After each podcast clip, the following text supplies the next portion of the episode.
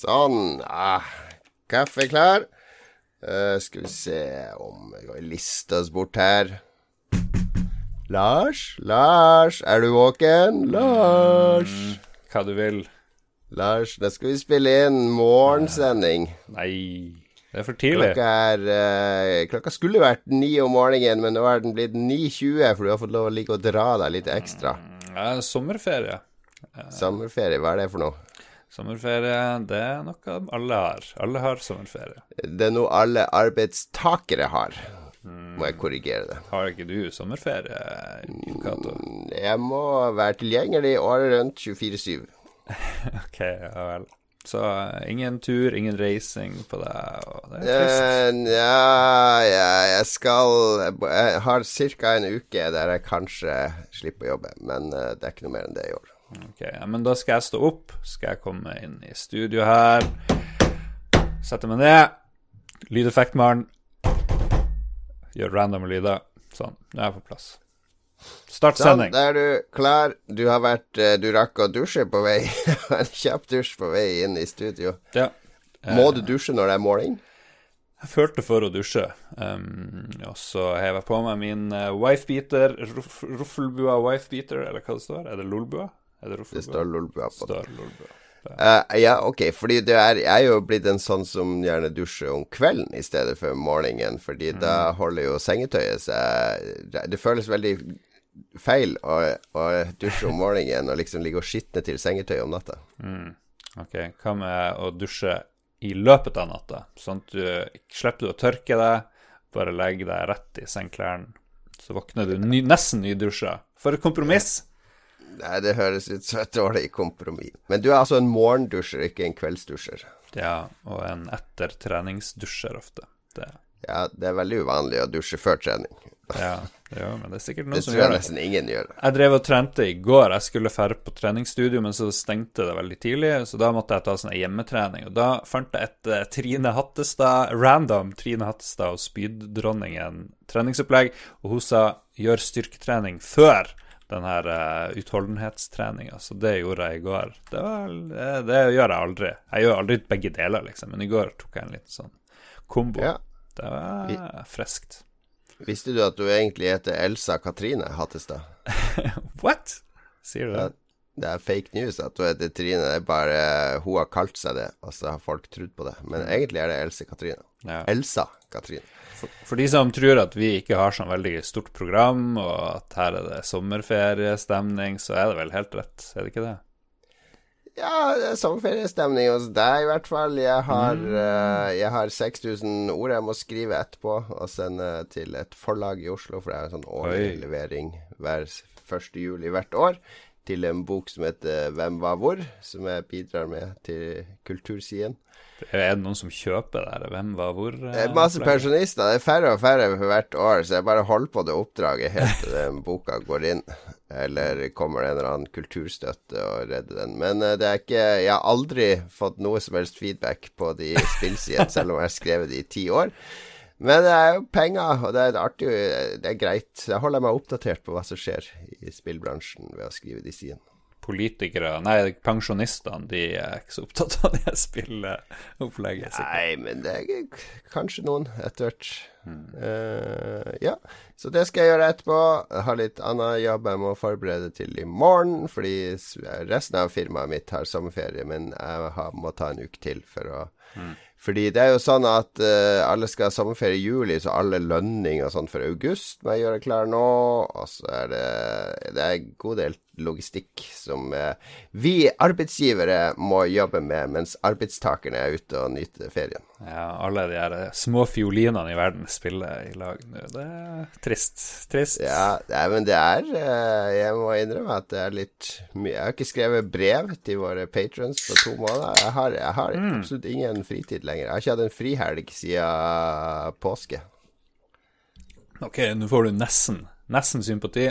De brevene, det er jo litt krise. Det må vi jo eh, få ut. Har, kan vi ha en Ja. ghostwriter på de brevene? Kan vi leie inn noen? Ja, jeg kan eh, se Jeg kan grave fram gamle ting jeg har skrevet og resirkulere fra tidlig 2000-tall. Ja, men det er jeg helt med på. Kjør på. Gamle råtne brev. Jeg får se om jeg finner en løsning på det. Jeg skal prøve å smette det inn i ukesplanen min i de neste ukene. Men folk har jo fått en ny roffelbua, da. Det tror jeg Patrions eh, setter pris på. Det ble ganske bra, da. Vi driver og sjekker genene våre. Vi har snakka om det før, trenger ikke gnukke, men jeg hørte, måtte jo klippe den, hørte den på nytt. Ganske morsomt. Ganske morsomt. Jeg ble ganske full òg, eh, etter hvert. Ja, fordi eh, hver gang du syns det har vært en kjempebra episode, så er du alltid full. Ja. Altså, ja. Hvis du ikke er full, så syns du alltid at episoden er Ja. forferdelig. Ja, det er trist. Jeg, driv, jeg skjønte jeg var full da jeg begynte å rope kalle noen en skjetten serber, som jo er helt uakseptabelt. Det, det var ikke bra. Du trekker tilbake. Ja, fordi det er jo bare 80% av serbere som er skitne, er det så? Det er det. Noen serbere er skitne, men ikke 100% så ja. Jeg vet at det er eh, at du er At du Når du sender meg melding i Messenger 'Det var så sykt bra' rett etter episoden og sånn, da vet jeg at du er dritings. Så, sånne entusiastiske følelser viser bare du når du er berusa, Lars. Ja. Uh, og i etterkant så har jeg snakka med ei venninne som har tatt en gentest, og hun har gjort litt mer research enn oss da, og funnet ut at finsk, som jo noen fikk resultatet av, skal ikke røpe det, uh, kan også innbefatte samiske ting, for de klarer ikke å skille samiske og finske gener så veldig godt. Så det, der er det Vi klarer å putte et menneske på månen, men ikke skille finske og samiske gener. Hva er det for noe? Det er jo så få samer, ikke sant, så jeg tror det er litt problem der, da. Jeg vedder på at det er minst én lytter nå som eh, skriver inn at det er en sånn her politisk korrekt agenda som gjør at eh, vi skal være barn av regnbuen, så de nekter å skille finske og samiske gener. Ja, men vi vil jo helst segregere samer og kven for liksom vite hva vi er genetisk, men eh, ja. Ja, ja men det er, hvis, hvis de ikke klarer å skille det, så betyr det at vi kan søke både samisk, kvensk og finsk kulturstøtte. Så det er helt, helt greit for oss. Lulesamisk eh, oversettelse av Lolba, coming up eh, osv. Er- Dialogen flyter så fint eh, på morgenkvisten, merker du det, Lars? Ja da.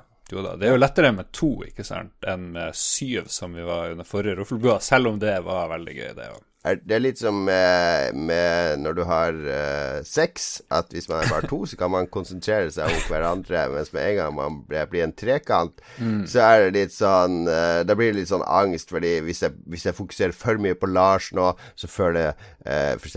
Ståle seg litt utelatt, og så må jeg passe på at begge er inkludert i akten og blir tilfredsstilt, uh, samtidig som jeg sjøl skal bli tilfredsstilt. Så det blir litt sånn der, mye kompromisser med en gang det er en trekant.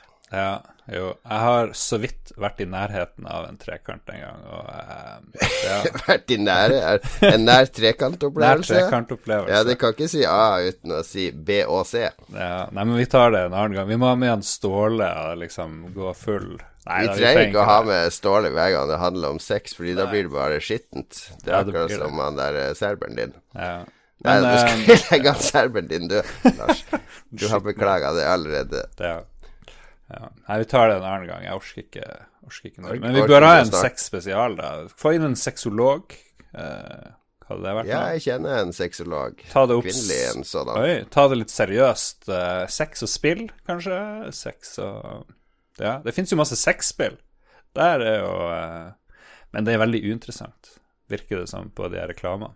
Jeg vet ikke hva den går ut på. det er vel like interessant som uh, å- som porno. Altså, der fungerer de sexspillene som noe mer enn pornografi. Altså visuell stimuli til onanien, eller Ja, men... er det noen sexspill med noe dybde, eller noe som vil fortelle noe om the human condition? Det må jo være noen som liker dem, fordi de selges åpenbart, og de finansierer reklamer de luxe. eh, og jeg tenker Jo, jo, det er du jo mange, mange som liker pornografi. Ja, men liksom, det er jo et skritt å gå videre fra å se porno til å spille et pornospill, fordi liksom, da, da har du litt mer tid, føler jeg, og da er du ute etter noe mer enn bare orgasme. Hva var du og, ute etter når du spilte Samantha Fox strippoker? Ja, men da var jeg jo seks, syv, åtte år og ikke ante eh, hva jeg holdt på med, egentlig. Hvorfor jeg likte det. Ja, jeg ville se Hadde det vært det samme for deg om det var Samantha Fox strippoker eller eh, Gunnar Nilsen strippoker, der du spilte mot en digitalisert versjon av Gunnar Nilsen som skulle kle av seg, og så en mann sitter i bare Var det bare eh, pokeren du spilte for, eller var det, var det å kle av den digitale personen? Det var jo å kle av personen, men jeg spiller jo ikke Samantha Fox strippoker eller strippoker i dag. Det gidder jeg jo ikke. Det, det er det ja. ekvivalente med de som leser Playboy for artiklene. De som spiller strippokerspill for uh, pokerspillet. Ja. Men jeg har tenkt å ta en Vi har jo en sånn eh, retrospillspalte, jeg og Mats, på video, så det er, kanskje vi må prøve litt samme til voksen. Men jeg har sett en fyr, jeg skal ikke si hvor, eh, her i Harstad sitte og spille mot lettkledde damer i sånn her Ukraina, eller hvor det er. Det er bare live. Det er, ikke, det er online-poker, men du spiller bare mot to damer. Og alle som er inne i rommet, liksom, det pokerrommet, de spiller mot henne her. Og eneste grunn til at de gjør det, er for å se på lettkledde damer og så tape masse penger i sånn uh, heads up-pokersituasjon. ja vel. ja, så det er jo folk som spiller strippoker hvis det hadde eksistert, men jeg tror kanskje ikke det ja. fins. Uh, Skal ikke si hvem. Mats driver og snakker om de pokerkveldene hele tida. Det er her som er Mats sin definisjon på en pokerkveld. Sitte hjemme alene med håndkrem og webkamera. Det kan godt hende. Det kan godt hende. Så det er noen som vil ha De vil ha liksom den erotiske opplevelsen, men de vil nødvendigvis ikke eh, onanere, som jo er liksom klassiske pornogreier. Ja, ja, ja. Ok, det var uh, Hva er det her for noe, egentlig? det er uh, det, det er det som helst skal være. Men vi må jo Vi har jo et sendeskjema, så vi må komme oss inn i første spalte, uh, som er gjort siden sist, som vanlig. Mm. Uh, vi har begge vært og reist. Uh, jeg kan ta Jeg har to ting jeg vil ta opp, uh, faktisk. Mm. det ene Jeg har vært i Bornholm. Vet du hvor Bornholm er? jeg trodde det var i Sverige, men det er tydeligvis i Danmark. Ja, det er Det er vanskelig Nå må vi prate litt språk her, fordi i Danmark Det tilsier at det ligger inne i det danske i, Det vi forbinder med det danske kartet. Det danske kongedømmet. Ja, men Ja, så da vil jo det her Jomfruøyene borte i, i, sør for USA være i Danmark, på en måte. De er mm. kanskje ikke en dansk koloni lenger, men de var en dansk koloni i mange år. Færøyene og Grønland Ja, det er heller ikke i Danmark. Grønland er jo ikke i Danmark, f.eks.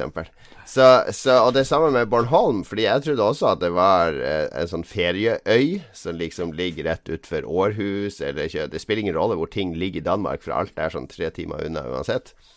Så jeg landa på København, og så skulle, fikk jeg vite vi skal kjøre buss i to timer, og så ferge i en og en halv time. Oi. Altså, hæ, hvor i all verden er det her? Og så ser jeg på Google Maps, og vi skal jo kjøre inn i Sverige. Eh, langt øst i Sverige, sørøst i Sverige. Og så skal vi ta båt eh, nedover mot Tyskland. Så det, Bornholm ligger jo sørøst for Sverige, da. Det er sånn diger øy som bare danskene eier på andre sida av Sverige. Ja, hva er det for noe? Det er jo sånn kolonirestgreier. ja, det har helt sikkert en eller annen dramatisk historie bak det. Men det er en fullt dansk øy, og så er det jo sinnssykt varmt der. Og det er jo flatt, som i Danmark. Kanskje det er det som er kriteriet. Hvis øyet er flatt, så har Danmark første råderett over de. Så ja. svenskene måtte bare det, ja, det, det, ja, den er flat nok. I, I kan få den. Ja, mye bra. Ja, eh, så okay. da fikk de den. Men jeg var der på uh, Første gang jeg har vært på sånn der uh, spill executive retreat, eller hva det kalles. Altså det var en sånn uh, konferanse for nordiske spillsjefer, da. Så det var det folk fra Altså er det jo sånn regel, det er jo ikke lov å prate om det som skjedde der da, fordi der deler alle fritt. Så jeg har jo aldri lært så mye om, uh, om spillbransjen som her. Man lærer jo mye på GDC òg, men der holder folk liksom kortene fortsatt litt tett til brystet. Mens her var det sånn åpen prat om kontrakter og uh, økonomiske avtaler ah. med publishere og alt mulig sånne ting som ble veldig nyttig for meg, da. Mm, du bare noterte og tok opp lyd. Du satt på opptakeren på mobilen ja, med en gang. Hele, det mange episoder nå i sommer med toppsjefer i uh, Ubisoft og andre som sitter mm. og prater om uh, okay. uh, strategier og sånn. Så ja, det var, var, veldig nyttig. Og så var det også veldig proft opplegg. Da, for jeg, hadde, jeg, håper jo alltid når jeg drar på sånne ting, at jeg bare kan sitte i et hjørne og fase ut. Vi er jo nordmenn, så vi, vi setter oss jo bakerst i klasserommet mm. ved vinduet. Og jeg vil helst ikke rekke opp hånda og sånn, men det var jo veldig sånn Det var sånn gruppeinndeling, og vi skulle jobbe med sånne oppgaver, og vi skulle definere hva liksom den nordiske spillbransjen skal ha som overordna fokus det neste året. Skal det være på miljø? Skal det være på eh, eh, ulike ting på arbeidsplassen?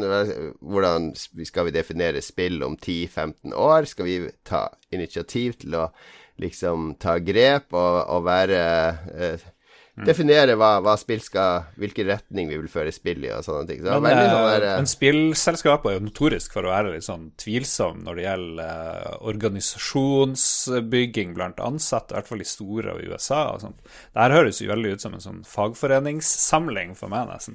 Ja, men en fag Altså, vi er jo i Norden, da, så vi har jo kommet ganske langt når det gjelder fagforeninger og arbeiderrettigheter, og, mm. og vi er jo vi har jo ikke den type crunch i Norden som de opplever i USA, og vi har jo ikke den derre fryktkulturen heller, med at man har kniven på strupen fra måned til måned hvis man ikke lever, overleverer hele tida. Mm.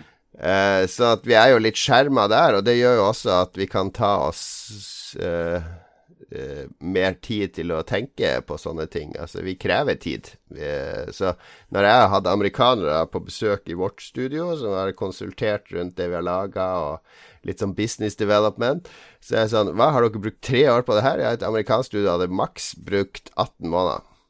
så jeg jo, men det amerikanske studioet hadde jo da jobba 14 timer dagen, fordi det er jo det som blir stilt krav til der borte. Det kan ikke jeg kreve av mine. Og, ja, ok, ja, ja, ja, bla, bla, bla. Hmm. Så det var Men det var veldig deilig å være på Bornholm. Fikk masse allergi. Eh, men uh, hyggelig, hyggelig hotell, veldig hyggelige folk. Veldig glad for at jeg ble invitert på Bornholm Game Day. Så får du se om det kommer noe i nyhetene utover neste år når vi har vært og definert at vi skal ta tilbake 14 timers arbeidsdager og sånne ting. Jeg gleder meg til at uh, spillindustrien kun skal jobbe for klimaendringer og sånne ting. Det blir gøy. Mot klimaendringer. Ja, det, men det er relevant. Det er nullutslippsselskap og sånn. Hva er CO2-avtrykket til Harstad-Tine, f.eks.? Veldig, veldig bra. Vi puster minst mulig ut CO2. Ja. Det er godt å høre. Men du har også vært i, du har vært i Sverige, du, da? Ja, jeg har vært på, i Göteborg på business, eh, som eh, Fløy du business? Ja, noe av strekninga av business. For, jeg måtte, for det er et helvete å fly til Göteborg. Fordi må, jeg måtte ned dagen før, eh, opp til Oslo eh, dagen møtet var ferdig, og så opp til Harstad dagen etter. Og da kunne jeg ikke booke sånn eh, tur-retur. Jeg måtte booke tre ulike reiser. Og, ja, bare tull. Og hvis noe gikk galt, så måtte jeg kunne bytte de reisene, så da ble alt kjempedyre flex-billetter, for jeg gidder ikke å bli stuck et eller annet sted langt ned i Gokk, liksom. Men jeg um, kom ned på tirsdag eh, til Gøteborg og for rett på en restaurant som het Boga. Eh, og det var jo som å komme til himmelen å komme ned til Gøteborg. Det var jo 25 grader eller hva det var på kvelden. Og ja, det er der fortsatt. Og uh, her er det jo 7-8 grader, eller noe sånt. Så, men så var det en, en fyr, uh, vi var tre som kom ned tidlig, og han sa at vi må gå på den Boga. Det er sånn verdens mest populære restaurant i, i Göteborg, og det er bestandig fullt. Prøvde å bestille plasser, men det gikk ikke. Men de har tre eller fire ledige seter ved baren, så hvis du er heldig, så kan du fære dit, og så får du en sånn treretters som er ganske billig. Uh, og vi for inn, og jøye meg, de hadde et ledig bord, så vi kunne liksom sitte ordentlig. Um, og ved siden av så satt styrelederen vår, uh, Torry Pedersen, inviterte han bort. Han ville helst sitte alene, typisk sjef.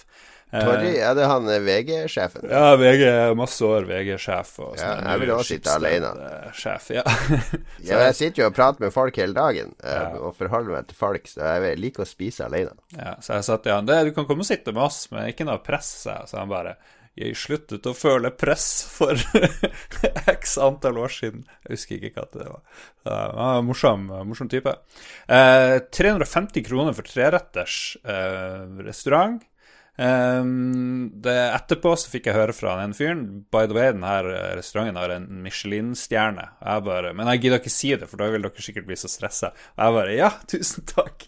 Jeg hadde garantert blitt stressa hvis jeg visste at jeg var på Michelin-restaurant, for da, da, føler jeg at jeg må liksom skjerpe meg. I stedet var jeg liksom gode, gamle Lars, uh, sitte og skråle litt og tøyse litt. Så um, det var veldig bra. Vi var superfornøyd. Uh, hvor i Norge får du spist på Michelin-restaurant treretters til 350 kroner, liksom? Jeg skjønner ikke, ikke prisnivået i Sverige. Fire roser og sånn her i Harstad? Ja, men det er jo sikkert eh, tre ganger så dyrt, tipper jeg. Og eh, det er noe med å reise utenlands. Hvis du får ting billig, det er en god norsk følelse av at ting smaker bedre hvis det Jo billigere det er, så smaker det også bedre. Det er i hvert fall en teori jeg har. Så jeg anbefaler det der Boga, BHOGA, hvis du drar til Göteborg. Bare dropp inn hvis du ikke får bestilt bord, og så får du kanskje lov å sitte. Og Helt superdeilig. Jeg har aldri smakt så god gris. De hadde sovidda en grisegreie. Det er Også, sikkert en som de kastrerte og så daska i veggen, vet du. Da smaker de ekstra godt, har jeg sett på en dokumentar på NRK. Ja, jeg satte spørsmålstegn ved mishandlingsgraden på denne grisen, men de sa at det var en frittgående gris fra noen mil unna, og så jeg bare ja, ok, jeg gidder ikke researche det mer. Ellers så er det interessant å se svenske businessmenn og -kvinner operere. De er litt mer sånn uh, strigla enn de i Norge, virker det som. Veldig glad i den der eh, eh, businessjakka si, den dressjakka. Kajal, som det heter der borte. Ja, og det, Jeg husker ikke så mye som jeg, i hvert fall som jeg kan si fra de møtene, men eh, en manøver som jeg kaller jakkemanøveren, eller ka, kawai, er det det heter? Kaval? Ja, kawai. Kawai. Kawai-manøveren, det var da den ene sjefen, eh, svenske, bare sto og holdt et litt foredrag, og så tok han av seg jakka, og så bare holdt han ut jakka, så kom det springende en sånn kvinne og bare henta den jakka. Jeg tenkte det er vel ikke skjedd i Norge, ville det? Da ville mannen gått og liksom lagt fra seg. Jeg skal prøve på jobb når alle er tilbake. Ja, Så det, det har jeg lært. Hvis jeg har på meg dressjakke, skal skal bare prøve å holde den ut i rommet og se om noen gidder å komme og hente den uh, neste gang. Det er relevant. Jakke ka, Kawaii-manøveren. Kawaii er jo også japansk for sånn cute, er det ikke det? Kawaii. Lang i, ja. Ja, ja lurer på om det er en crossover her. En søt businessman. Søt businessjakke. Pause. Ok, uh, grasping Jeg hadde én ting til jeg hadde lyst til å ta opp. Fordi forrige fredag, som jeg sier, jeg er veldig overarbeida nå. Går jeg snart på en smell, blir sjukmeldt et halvt år. Oi, oi, oi. Under. Uh, men så forrige fredag Jeg driver og sykler til og fra jobb. Enda en midtlivskrise. Nei da. Det, det, er veldig deilig å få kjørt kroppen litt. Ja, ja. Det tror jeg er bra for sinnet òg, ikke sant? Helt enig. Så jeg sykler opp eh, alle de bakkene fra jobb. Da, hvis jeg hadde en bra arbeidsdag, alle oppgaver avslutta, alt er på stell, eh, så er det en veldig positiv tur, for det er det liksom hjem, kan jeg dusje, og så har jeg av og til noen andre oppgaver som venter hjemme, men eh, ofte har jeg litt fri òg, da, med barn og familie. Mm. Så jeg var relativt Akkurat denne dagen har jeg ikke vært så bra på jobb, så jeg hadde en del jeg måtte gjøre hjemme. Noen møter med USA og sånne ting. Så jeg var litt sånn der stressa på vei opp. Og så var det fredag. Eh, det er jo ikke bra å ha med seg masse jobb hjem på en fredag. Men, men, det var sol og deilig vær, og så opp eh, det, det, er en sånn helsikes bakke oppover til meg. Rushway heter den. Jeg skal forbi Jacobs på Holte, som er sånn De som bor i Oslo, vet hva Jacobs er. Det er sånn legendarisk matbutikk som var Før Meny og alle de fine matbutikkene, så dro du liksom hele Oslo til Jacobs på Holte for å kjøpe frittgående kylling og Øvre Holte eller Nedre Holte? Eh, Nedre Holte. Det er jo en plass i Harstad. Det var bare ja, en uh, vits. Det, det, ikke, det, heter ikke Øvre og Nedre i Oslo. Men så går opp disse bakkene, da. Kjempesliten i disse bakkene. Og så kommer det en kar gående nedover en i slutten av 30-åra. Eh, eh, vil jeg anslå. Litt sånn ubarbert. Ikke sånn superpen, men en kjekk mann. Tror han var Antagelig en håndverker, tror jeg. Han har ikke på seg sånne håndverksting, men han ser ut som en håndverker. Og så har han en øl i hånda, en halvliter med Tuborg eller noe sånt. Mm. Og så ser han eh, Det er fredag i ettermiddag, ikke sant? Han har vært på jobb hele uka, tenker jeg når jeg ser han. For han, jeg har aldri sett en så lykkelig og problemfri mann noen gang. Han har et sånn lite smil rundt munnen, tar en slurk av denne ølen, tusler hjemover. Han har, vært, han har sikkert vært på jobb hele dagen. Eh, Skifta, dusja på jobb. Dratt hjem, og så har han kjøpt seg én øl på butikken der oppe. Fordi den ølen skal jeg ta nå på vei ned til meg. Det tar ti minutter, kvarter å gå. Da skal jeg tusle hjem, ha en øl i sommersola på vei hjem. Å, så deilig. Ja, så det, det, fikk meg til å tenke Tenk på En gang så var jeg like sånn lykkelig og problemfri som denne mannen, som bare Nå er det fredag, jeg tar meg en øl på vei hjem i sola.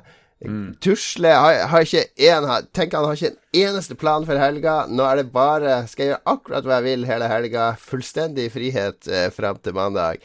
Og det Jeg gikk og tenkte på han der mannen der i flere dager etterpå. Denne lykkelige, problemfrie 30-åringen i bakken.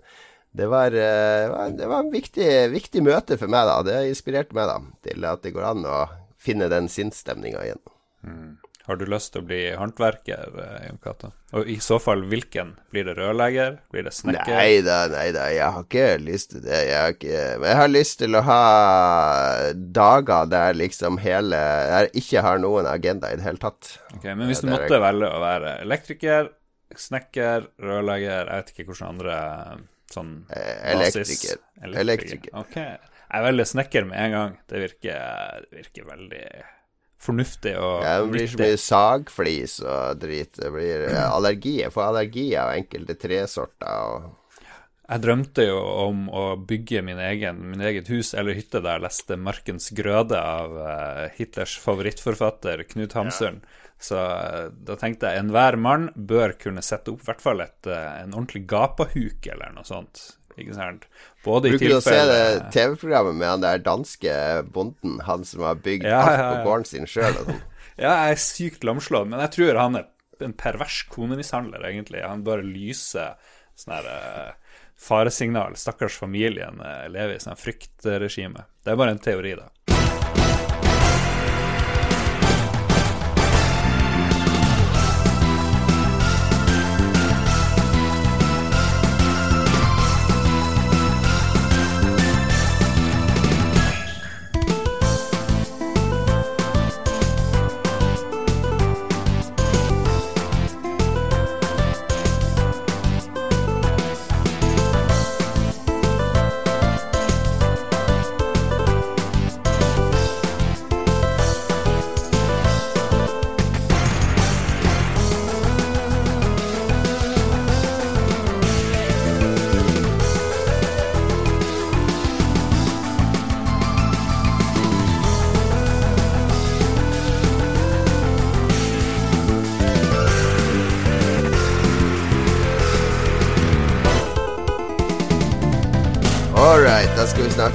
Vi har spilt siden sist. Jeg glemte jeg må jo klippe denne episoden nå, så jeg fører den opp på mine mange oppgaver å gjøre fremover mens andre har ferie.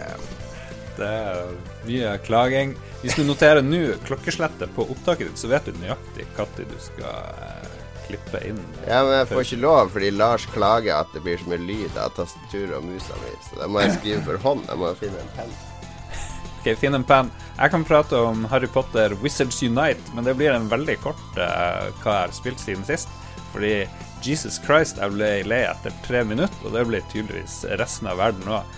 Uh, eh, fordi det er jo selvfølgelig uh, de som lagde Pokémon Go, Niantic, som har funnet ut at Eller de eller noen andre har funnet ut at Harry Potter er en genial måte å liksom viderebringe den her Pokémon Go-ideen. Du er en uh, wizard.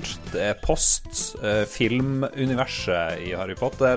Uh, masse er det i det der universet der de, de, de er Fantastical Beasts, eller hva det heter? Jeg har ikke sett noen av de filmene. Nei, det virka ikke som om det var veldig fokus på han der fyren der, eller Fantastical Beast, men liksom, du må Det er noen skurker on the run. Um, det er The, Five, eller hva de kaller det. Noen sånn skyggeaktige vesener som liksom støtter The Five er vel fem som har forsvunnet, er det ikke det? Ja, det er vel noe sånt. Så jeg må bare beklage, jeg gidda ikke sjekke det her for mye. Fordi jeg kjente etter to minutter Jeg har ikke, jeg har ikke energi eller lyst til å gå rundt og fange magical beasts eh, rundt omkring ja, i verden ja, ja. i det hele tatt. Det er to minutter. Jeg kan si jeg er level 9 i det spillet, da, så nå kan noen som faktisk har spilt det, fortelle litt om det. Ja, fordi vi lasta det ned forrige helg, jeg og vi har jo et par uh, unger som spiller Pokémon Go og sånne ting, så det måtte vi jo teste ut. Så vi, drev, vi gikk en sånn lang tur, halvannen time rundt, Ja. sånn som vi gjorde i Pokémon Go, bare for å sjekke ut hva det var. Ja. Uh, og du må jo inn i De har bytta ut Altså, det er jo basically bare en reskin av Pokémon Go. Der de har bytta Alle Pokestoppene har blitt til enten drivhus eller vertshus. Så du må i vertshus for å spise, for å få energi, så du bruker til å kaste magi. Og i drivhus må du for å hente ingredienser, som du bruker til å lage potions og, og sånne ting. Og potions trenger du for å forsterke magien din. Akkurat, det, er- det er akkurat som du bruker det her sukkertøyet i, Ja. i Pokémon for å gjøre det lettere å fange Pokémon.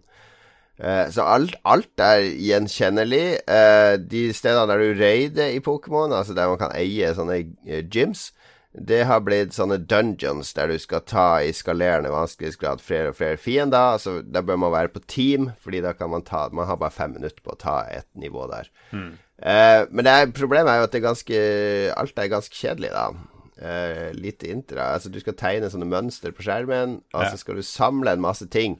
Og det blir jo den der du samler Pokémon i Pokémon GO. Og her skal du samle, finne et klesskap og eh, magiske dyr og andre ting som du må frigjøre. Og så får du det i en sånn her eh, journal, da, med fullt bilde og beskrivelse. Ja, men det virker som det er mer gnukk enn Pokémon. Pokémon er veldig lett. Du har de ballene, og så kaster du på figurene, og det er jo litt gøy. Her så må du liksom tegne et symbol. Det er ikke like morsomt.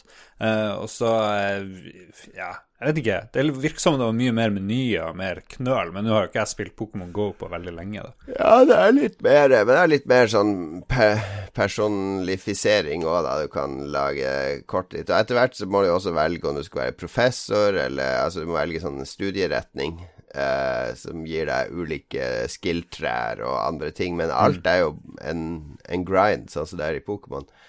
Altså sluker det jo batteri, så jeg har ikke spilt det på en uke, egentlig. Det er eh, det er vellaga, men eh, det er litt sånn der eh, fjorårets spillmodell, Ja. føler jeg. Jeg trodde det skulle bli mye mer populært enn at det ble. Jeg forventa at nå skulle jeg se folk gå rundt og stå på hushjørnene og prøve å fange han Hagrid og sånne unicorns, eller hva det enn det er i det her spillet. Men jeg har ikke sett noen som minner om at de har spilt Harry Potter Wizards Unite.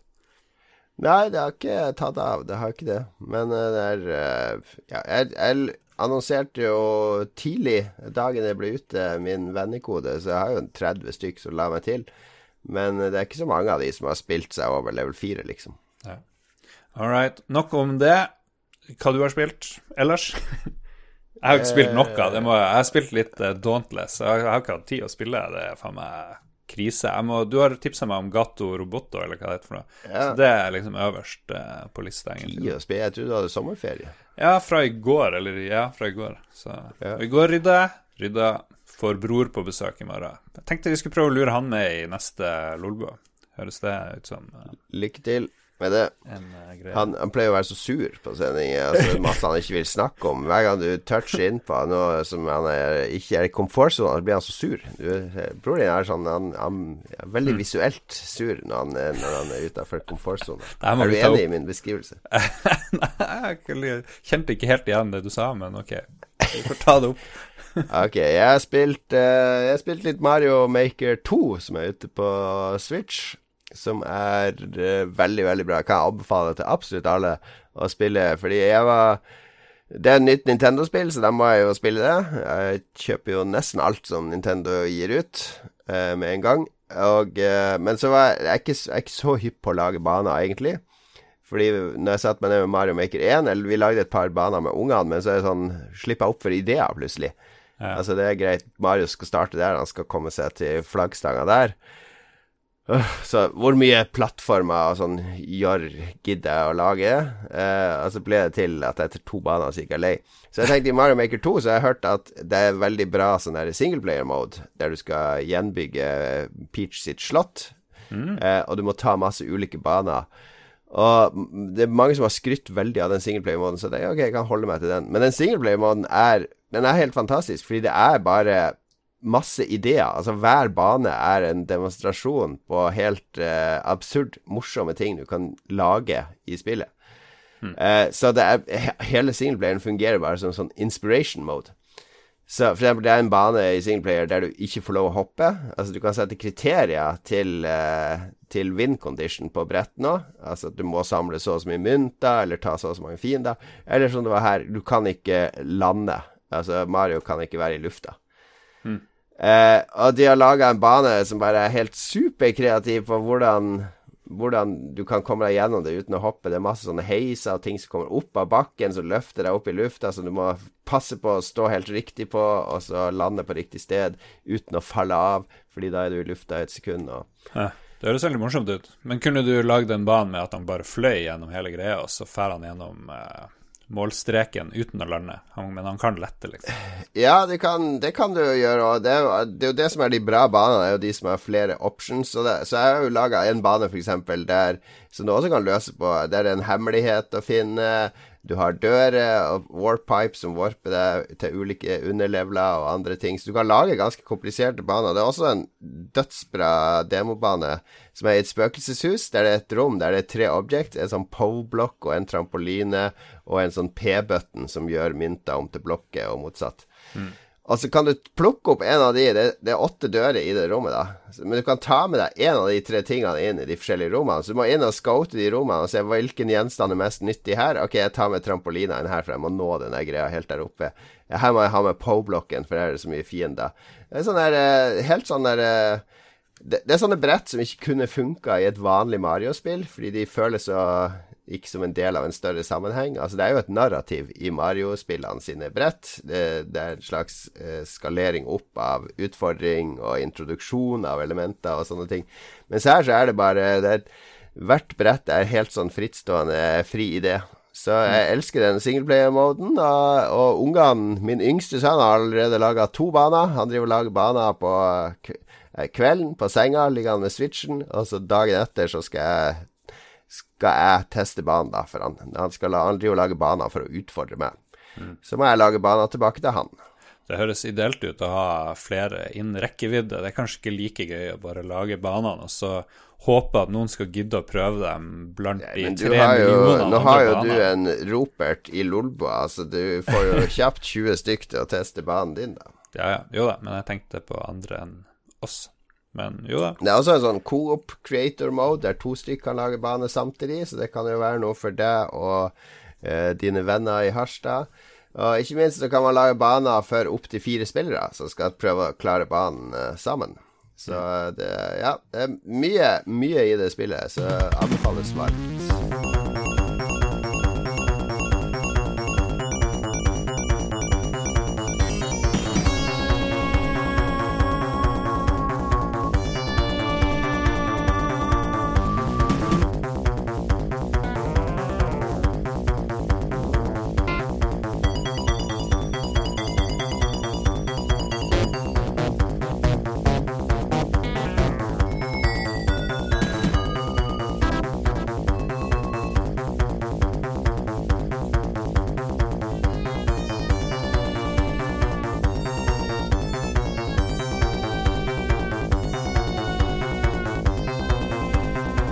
Sommer, sommer, sommer. Kan du bli med nå, Lars, på denne sangen? Den er, det er sånn reiseradio, vet du. Det er noe jeg forbinder med sommeren. Er ikke det noe som din familie pleide å surre og gå i bakgrunnen på sommeren? Ja, Våkna i nitida til det der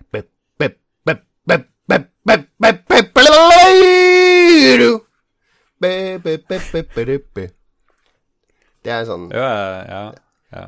Jeg, jeg, jeg, begynte plutselig å tenke på den der eh, Ingrid Espelid-musikken. Ja, det er Herb den, Albert, uh, Black ja. Forest, eller hva den heter. Den er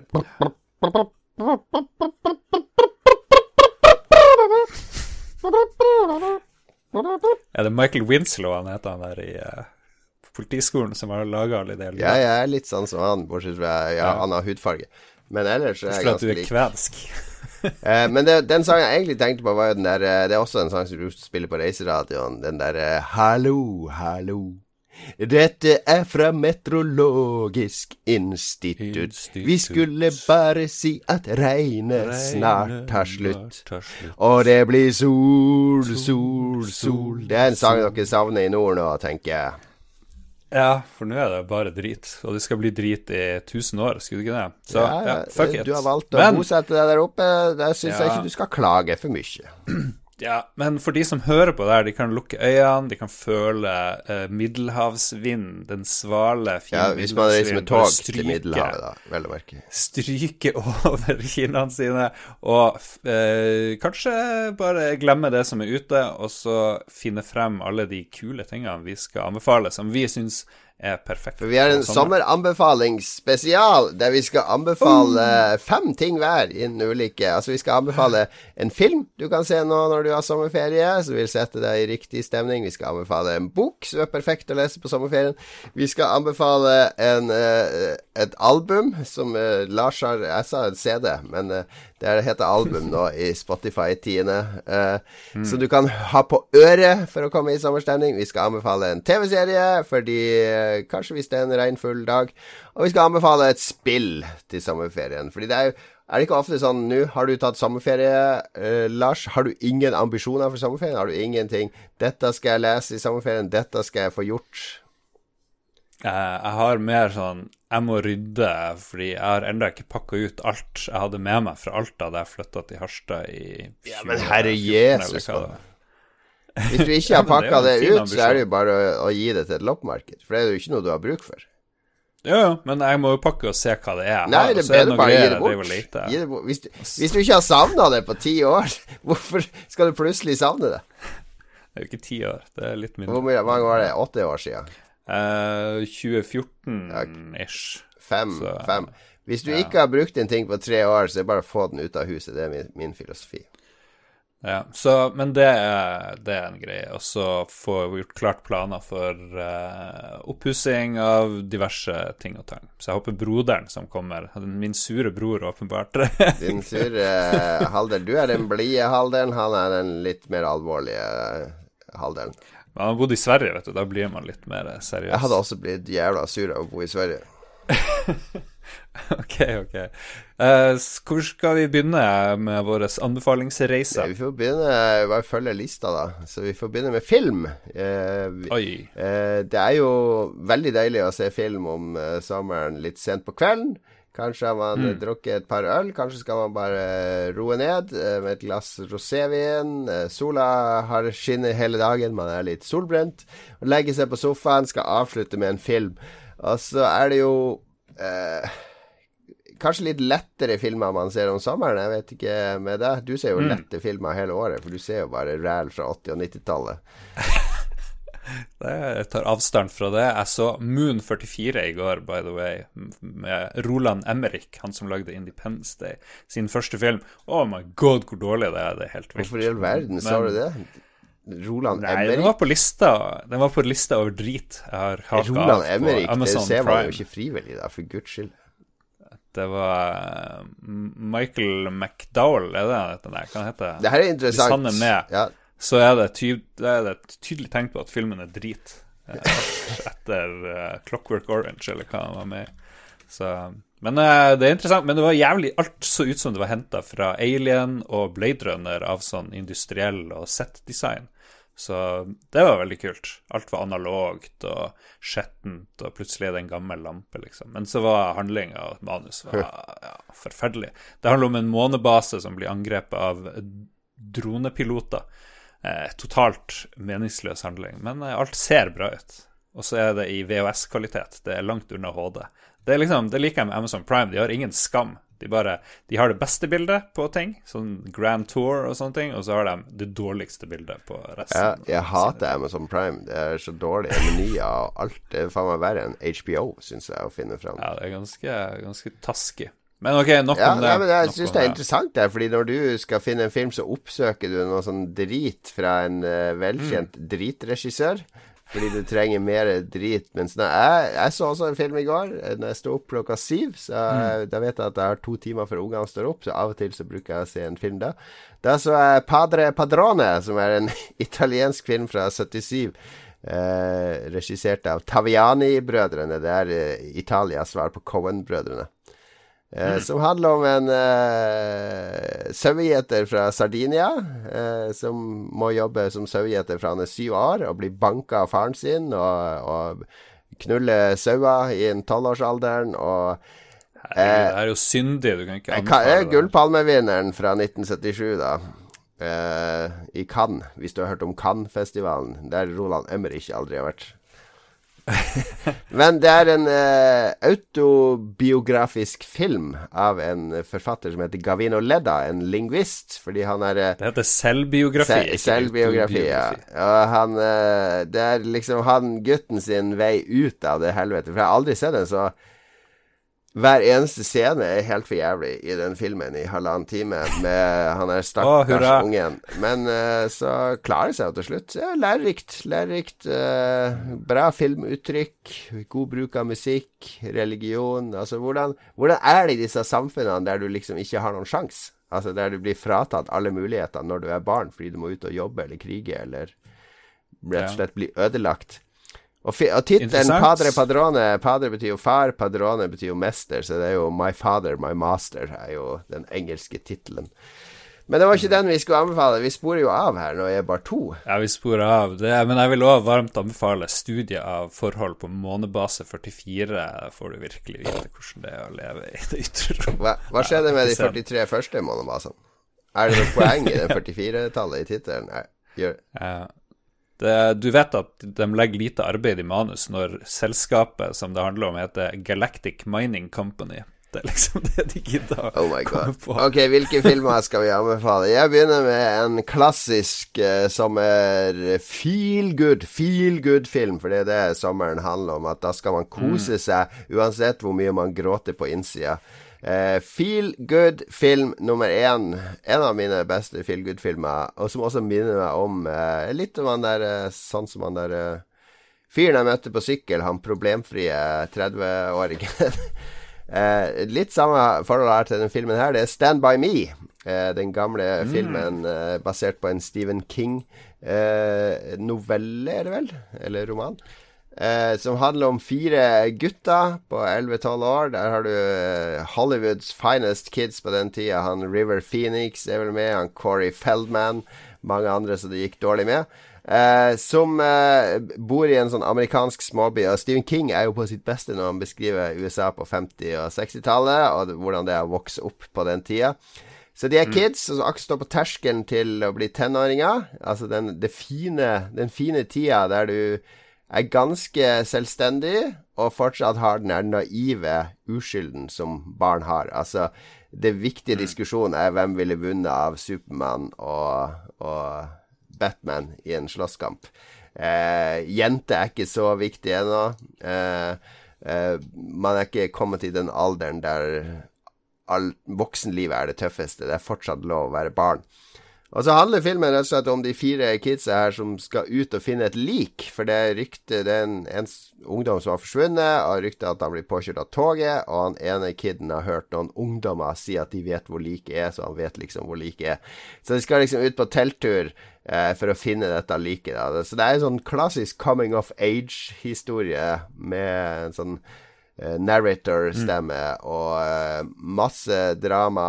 Og blir veldig glad av å se den filmen. Blir veldig påminnet om uh, hvordan det var å være barn igjen. Det er veldig godt å høre at du drar frem en sånn meganostalgisk eh, film fra 80-tallet. Hvilket år er 86. den fra? Du som du som eh, latterliggjør og håner uh, retrosjefen. Nei, jeg latterliggjør og håner at du driver og oppsøker drit. Det er jo det akkurat det du Nei, gjør. Det her er jo kvalitet. Det, det finnes jo kvalitet ja, ja, fra 80-tallet. Men, selv uh, retrokvalitet har jo du en, uh, en forkjærlighet for å hate. Men det varmer mitt hjerte at du tar frem uh, Stand By Me. En også av mine favorittfilmer. Det der å se Jeg ser for meg guttene gå langs togsporene og er på eventyr og drar og bader i et tjern i nærheten og alt det der. Det, det, det tror jeg minner alle unger egentlig om på, på et, et sånn overført uh, må, måte, i hvert fall. Det der eventyret man drar rundt på når man ja, ja, ja. Alt er nytt. Alle steder du drar til, er helt nytt. Du har aldri vært der. Du sjekker hva som skjuler seg bak uh, steiner, og det kan være skatter ikke sant, mm. overalt. Og, og, så har du samtidig det her med at det er et lik, så det, jo, det setter jo en sånn uh, litt sånn skarp Eh, tone for det hele. Litt sånn skummel greie. Men det, det er som i en Ghibli-film, ikke sant. Det er, det, det, det, skumle truer gjerne ofte i bakgrunnen, uten å liksom være så veldig tydelig. Det bare er en sånn Det er balanse her, fordi du kan ikke ha eh, lykke eller en lykkelig tilstand uten en trussel om at denne tilstanden kan forsvinne, ikke sant? Mm. Men fokus er liksom ikke på en sånn skurk, egentlig, selv om du Nei, du har disse ungdommene er ganske rå. Altså, de er ganske mm. skumle. Du føler jo at de kan knivstikke det. Så de er mye skumlere enn vanlig sånne der barnefilmskurker mm. som, eh, som, som er eh, bare teite. Det. Nei, men veldig bra film. Anbefaler den. Det er en ordentlig sommerfilm. ja, og din sommerfilm er uh, den hun Natalie Portman angrer på at hun var med i. Angra jo på at du var og med. Fikk, eh, altså, det var ikke så mye internett på denne tida, men kan du tenke deg hvis den filmen hadde blitt laga i dag, antall pervs på internett som hadde sendt dickpics til denne 14-åringen som de eh, gjerne skulle tatt inn og beskytta. Det er jo en, er noen undertoner i denne filmen. Uh, min sommeranbefaling, som ligger og lurer på Netflix, er jo den uh, på mange måter geniale Leon the Professional fra 94 av Luc Besson. Jeg syns jo Luc Besson er en tvilsom regissør, men akkurat Det er mye forskjellig, mye forskjellig, kan vi si. Ja, akkurat i Leon så er det veldig mye morsomt som skjer. Eh, han eh, Jean Reno er en eh, litt sånn eh, enkel fyr, men leiemorder. Lett å la seg manipulere, har ingen venner, driver og vanner denne planten sin, det er stort sett det han gjør, og dreper folk. Han er liksom en, en kjempegod eh, snikmorder. Og så har du Gary Oldman, en dirty cop, som er en av de beste skurkene på film Guns, guns, guns! Han er helt magisk ond, magisk over the top hele tida. Minner meg litt om han Alan Rickman i eh, Robin Hood, Prince of Thieves og eh, like, like og heslig på samme tid. Eh, og eh, midt oppi det hele så er karakteren eh, Matilda, tolv år gammel, en spilt Natalie Portman. Um, som bor i en skikkelig drittfamilie. Faren er vel noe som driver med noe dop. Mora ser bare TV og gjør sånn her aerobics, eller var det søstre? Jeg vet ikke. Familien blir i hvert fall meia ned av uh, Gary Oldman og gjengen. Mm. Uh, Natalie Portman klarer å søke ly hos Sean Reno, uh, leiemorderen, og det blir en Eh, mitt, eh, mitt, påskudd for å ta det med i sommeroversikten er at det blir en slags ferie. Ferie fra sin vanlige tilværelse, sin, sine personlige helveter. Både den der lille ungen får uh, oppleve litt lykke, og Jan Sjøen, leiemorderen får jo et barn. Han blir jo en slags reservepappa. En, stakk et stund, jeg vet ikke, noen måneder, hvor lykken holder. Han trener opp til å bli en leiemorder, så det er jo litt sånn tvilsomt, eh, det hele.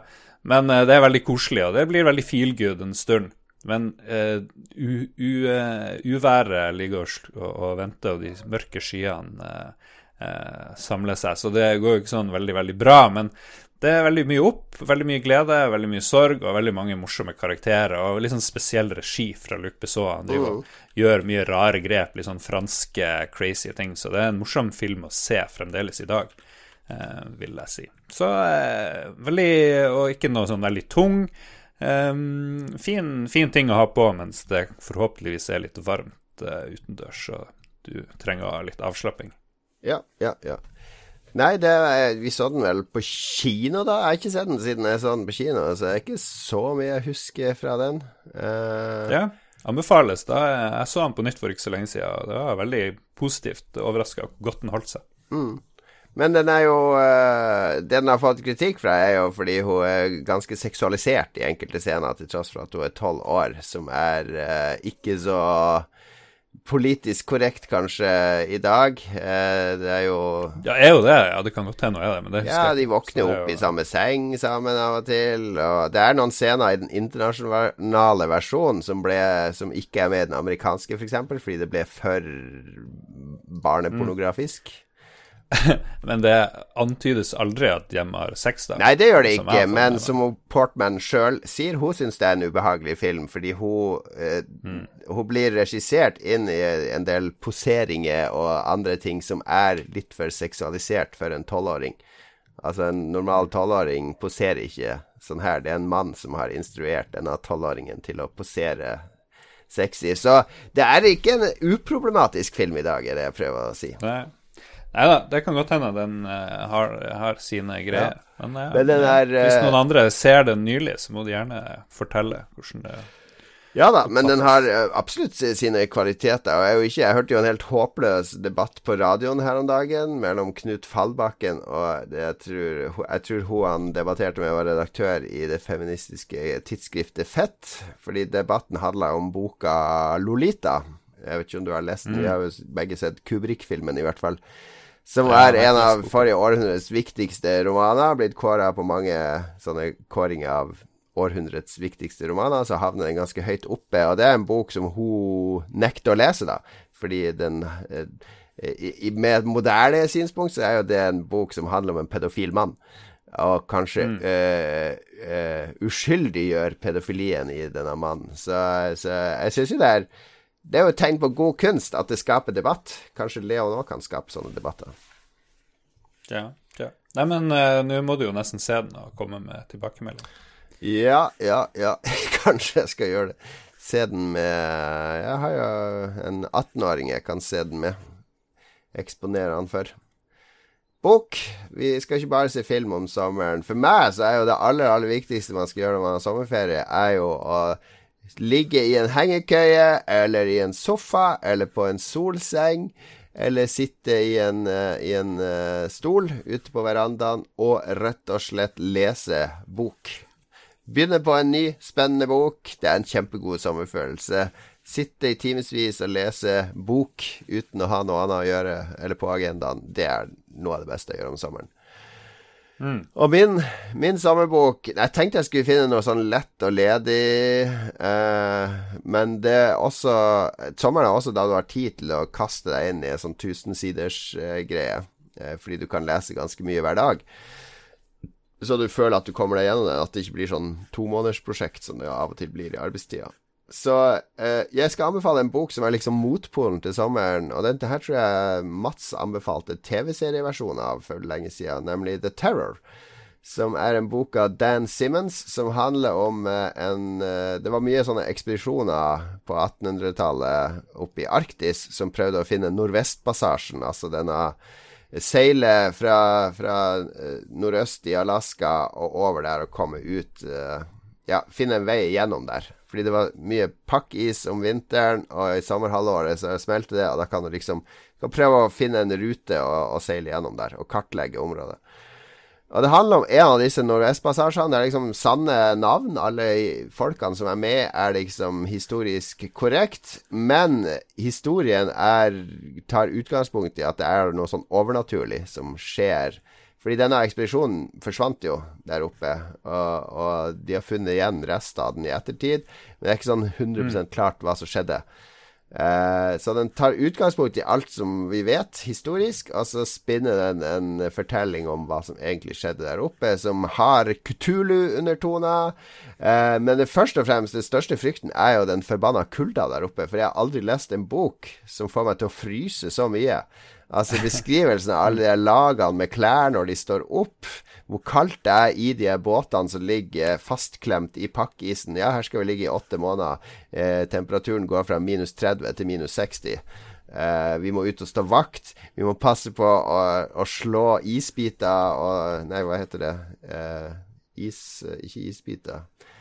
Sånne eh, som henger ned fra takrenna. Istapper. Istapper. Vi må liksom fjerne is fra båten så den ikke kollapser under vekta av all isen. Og, og det er eh, og så er det et sånn vesen ute i mørket som Mannskapet i hvert fall tror det er et vesen ute i mørket som driver og tar livet av de.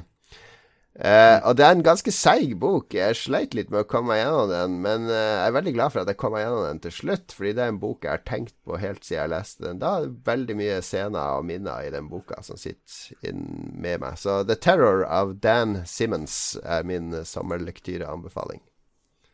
Veldig kult. Veldig kult.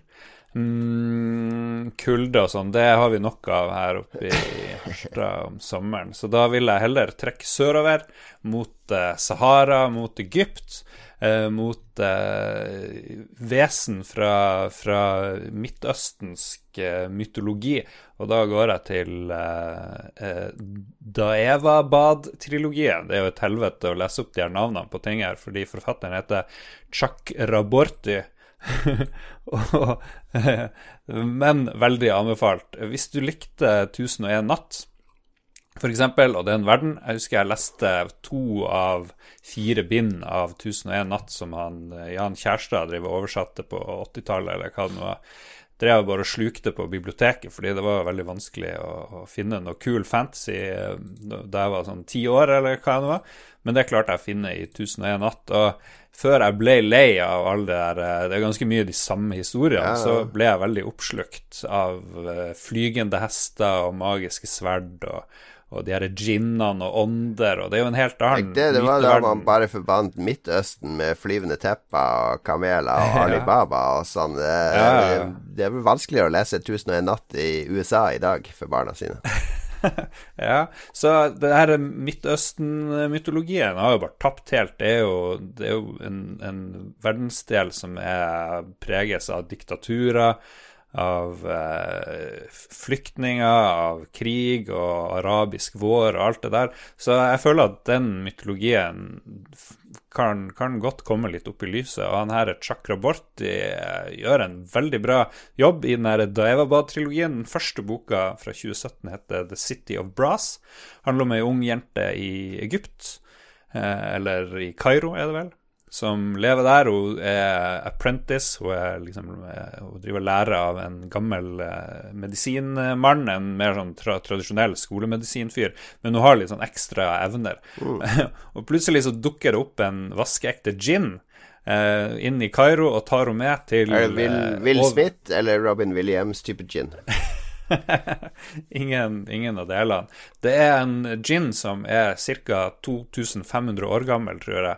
Uh, og før i tida så krydde det av de her djinnene. men så kom han Suleiman og satte dem på plass fordi de kødda for mye med menneskene og lagde et mer sånn skarpt skille. Men nå driver det her skillet mellom åndeverden i Midtøsten og menneskeverden og, og smuldrer opp. Ting skjer.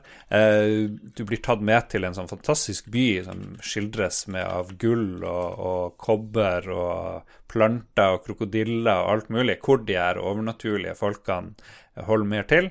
Og det er veldig gøy. Det er, det er, det er sånn Game of Thrones-aktige mm. tilstander. Det er, det er, beinhardt, han kongen der, han Gassan. Uh, han, uh, han, styrer sin familie med jernhånd og, og dreper gjerne en 500-600 fattige uh, for for å, holde ting på plass. Men uansett, en kjempestor verden som jeg aldri har vært borti noe lignende før. Og det er sand, og det er sol, og det er Midtøsten, og det er selvfølgelig mye blod, men det er òg litt, uh, litt, spenning og litt politikk og alt mulig rart, som er perfekt, ser jeg for meg, å ligge og lese på en eller annen strand uh, hvor du måtte befinne deg. Perfekt sommerlektyre. Jeg driver og er snart ferdig med bok to, som kom i år, som heter Kingdom of Copper. Så les først City of Brass, så leser du Kingdom of Copper av han eh, S.A. Chakraborty i Daevabad-serien. Ja, kan jeg komme med en sånn sideanbefaling der? For du sa at du savna litt den der uh, mytologiske eh, Persia, Midtøsten. Mm. Det er nemlig et veldig artig brettspill som heter Tales uh, from the uh, Tales of the Arabian Nights.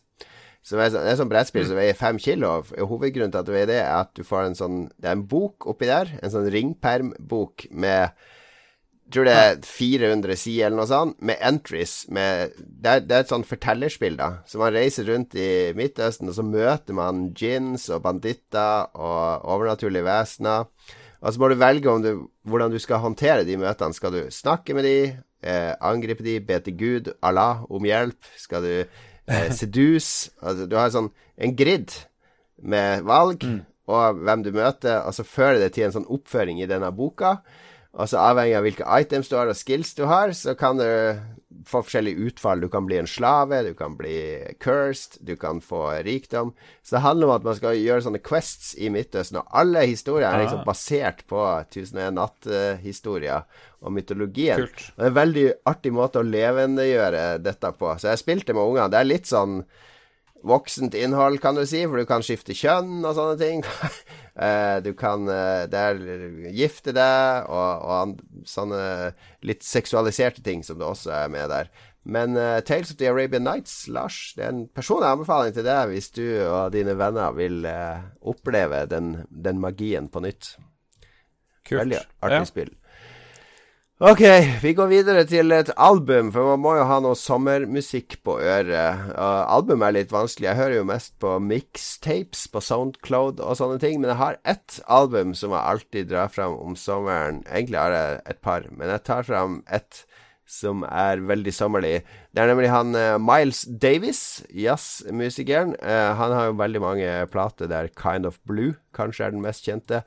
Men han har en som heter Sketches mm. of Spain der lydbildet skal illustrere det spanske landskapet, eller hvordan det er i Spania. Det er noe sånn castanjetta og litt sånne ting. Uh, og mm. veldig lengtende horn-trompetspill. Så Sketches of Spain det er noe jeg hører på hver sommer når jeg vil komme i sommerstemning. Jeg, er ikke noen musikkanmelder, så jeg klarer ikke å si så mye om det, men det er lange, mm. dvelende sanger uh, og lydbilder. Det er ikke sånn der uh, Én, to, tre, fire Det er mer sånn eh, Ikke så rytmisk eh, perkusjonsbasert, kanskje. Mm. Jeg husker jeg spilte litt fra, fra den her plata da vi drev og snakka om den sist. Det høres veldig kult ut. Mm. Det gjør det. Og din eh, musikkanbefaling? Jo, um, jeg hører masse på uh, noen få plater pluss masse random i min spilleliste for tida. Og en av de jeg hører mest på, er noe fra ei som heter Tirza, T-I-R-Z-A-H. Og en plate som heter Devotion, som kom i fjor, uh, i sommertider. Mm -hmm. uh, hun er engelsk, tror jeg. Hun, det høres i hvert fall sånn ut. Hun er ganske ung. Hun er ferdig på hun gikk på noe som heter Purcell School for Young Musicians, hvor hun drev og lagde sin egen R&B, men med litt sånn der eh, elektronikatilsnitt og driver og looper og manipulerer lyder. Hun lager vel det meste sjøl, sammen med en som heter Mika Levi, som også lagde eh, filmmusikken til Under the Skin ja. og Jackie og har vunnet en Oscar eller blitt Oscar-nominert og sånt. Og den komboen der er bare dritbra. Det er et uh, eh, i bunnen så tror jeg det er et eh, kjærlighetsalbum. Handler om litt sånn her eh, hvordan det er å, prøve å finne seg eller holde på et forhold. Men musikken er så crazy i seg sjøl. Um, og spennende og drømmende og søvnig ofte at jeg er bare supersjarmert. Jeg har ikke hørt noe annet. Jeg tror det her er debutalbumet, var bare gitt ut noe EP-greier før, og her er Tirsa. Men um, god damn it. Eh, det her er kjempeunikt og eh, litt småsexy av og til. Litt eh, desperat. Litt Ja, litt for enhver smak. En sånn bi Bi-anbefaling på musikk i sommer. Litt for enhver smak. Da ble det litt sånn Kjersti Bergesen-anmeldelse. Ja, det ble terningkast fire plutselig her, men det er terningkast seks. Min sideanbefaling er da On The Beach, som jeg har nevnt før, til deg, med Neil Young. Det eneste Neil Young-albumet jeg klarer å høre på. For det er så skranglete, og det er ikke så pompøst som de sidene. Og, det, og coverbildet er jo en bil gravd ned i sanda et eller annet sted ja. på kysten av USA. du hører ikke på Café Del Mar og sånn når det er sommer? ikke akkurat nå, men jeg kunne like Café Del Mar før. Jeg har lyst til å dra på en sånn stor uteklubb i Ibiza eller noe sånt. Her. Ibiza? Hører han Carl, Ibiza. Carl Cox eh, spille og dundre. Det, det hadde jeg likt i sommer. Så jeg kunne godt tenke meg litt dunking òg. Det har vært kult. Ja. Hvis, hvis, det er lov å si. Det er uh, de uh, Radio Soulwax, hvis man søker på det på nettet. De har uh, to sånne Ibiza-samlinger, én og to. Der den ene er for å kjøre rundt på øya på dagtid, bilmusikk, og den andre er kveldsmusikk. så du kan jo sjekke ut de. Men er det sånn mm. Når du skal anbefale ting, prøv å finne ting som er mest mulig vanskelig for folk å søke opp Du har alltid sånn Jeg har Chakraborti sin Daivabad-trilogi. Det er ingen som klarer å søke google det. Tirsa. T-i-r-z-a-h. Jeg har enkle ting. Dan Simmons. Alle klarer å søke på Dan Simmons, mm. The Terror. Uh, må du ha så vanskelige navn? Tydeligvis tydeligvis. Vi får prøve å skrive det i the show notes. the show notes kommer. Ok, TV-serie. Jeg har egentlig slutta med TV-serier. Jeg er drittlei TV-serier. Det er så mange TV-serier jeg hoppa av etter to og tre episoder. Det er nesten ingen jeg har sett ferdig. Tsjernobyl så er jeg ferdig. Kjempebra. Fem episoder. Bra! Bra! Fokusert og ferdig. Noen kompiser av oss de sier mm. ja, det kunne godt lage Hver episode burde vært ti episoder. Nei. Det, det er bra, fordi det er absolutt ingen ja. scener i den serien som ikke fører den videre. I motsetning til alle andre TV-serier. Uh, og nå motsier jeg meg sjøl, fordi jeg driver nå og ser den der uh, nye Nicolas Winding Reften-serien som heter Too Old To Die Young, der det, han basically bruker to timer på noe som kan forklares på fem minutter. Men uh, det, er, det, er, en sånn motpol i den serien til moderne TV-serier. Et eller annet der jeg liker. Så jeg kan ikke anbefale den helt ennå. Jeg må finne ut av den serien først. Så i stedet for å anbefale en TV-serie, så anbefaler jeg en filmserie. Nemlig de tre Pusher-filmene. Jeg tror jeg har nevnt de før. Pusher 1, 2 og 3. Pusher 1 er jo den som alle har sett, med Kim Bodnia som den desperate narkolangeren i uh, Franke. uh, ja, i, i, Danmark. Og hans uh, Er han serber? Han Han er Hva heter han? Fra Slovakia, eller der omkring. Uh, Skjetten serber. Ja, ja er det fra, fra det, det, det, området et sted. Eh, ja. Meget ikonisk eh, dansk film, og gjennombruddsfilmen til Det her er jo han Nicolas Winding Refn, så det henger jo sammen med Jeg skal, jeg skal skaffe disse pengene lige snart. Uh, Ta dem fra, Franka, min beste uh. venn i København. Uh. Uh, yeah. Hvorfor du yeah. har problem? Du har problem, du gir meg problem, Franka. Uh. Ja, men jeg skal de Penger får du i morgen. Ja, ja, ja, Bare gi meg litt tid. Ja, Franke, Franke. Oh, hva vi skal gjøre? Hva skal vi Ja, det er en bra film. Men så er det jo Så er det ikke så mange som har sett Pusher 2 og 3, for de hadde ikke den samme impacten. Men Pusher 2 handler jo om han kompisen til Franke. Han uh, Mats Mikkelsen, som spiller han da. Uh, en sånn mm. skinhead, uh, kriminell uh, drittfyr, egentlig, men så han, det handler om hans forhold til faren. Fordi faren Det er en veldig vond film om å bli ignorert av sin far og prøve å imponere pappa og sånne ting. Og film tre handler jo om han eh, Slobodan, eller hva han heter. Han Han, eh, uh, uh, han som er han, serberen. Han serberen i den første filmen som Han er nå blitt gammel og avdanka, og andre kommer inn og tar over, og han prøver liksom å holde på makta. Den er også veldig vond. Eh, mm. Kanskje den særeste av de tre. Men alle de tre filmene er et dypdykk inn i en sånn mørk eh, Mørk sånn, alternativ versjon det, av vår virkelighet. Skyggesida vår.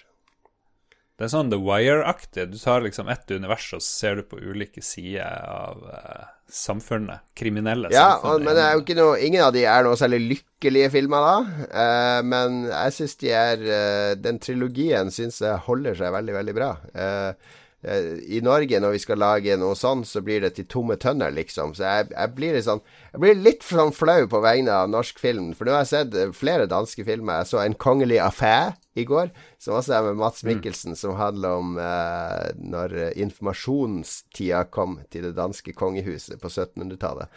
Så også er en kjempebra film. Og så går jeg til Norge og så sier jeg, hva har vi her? Jo, vi har Kongens nei. Oh, er, er, er, det bare meg, eller er det liksom bedre kvalitet på dansk film enn norsk film?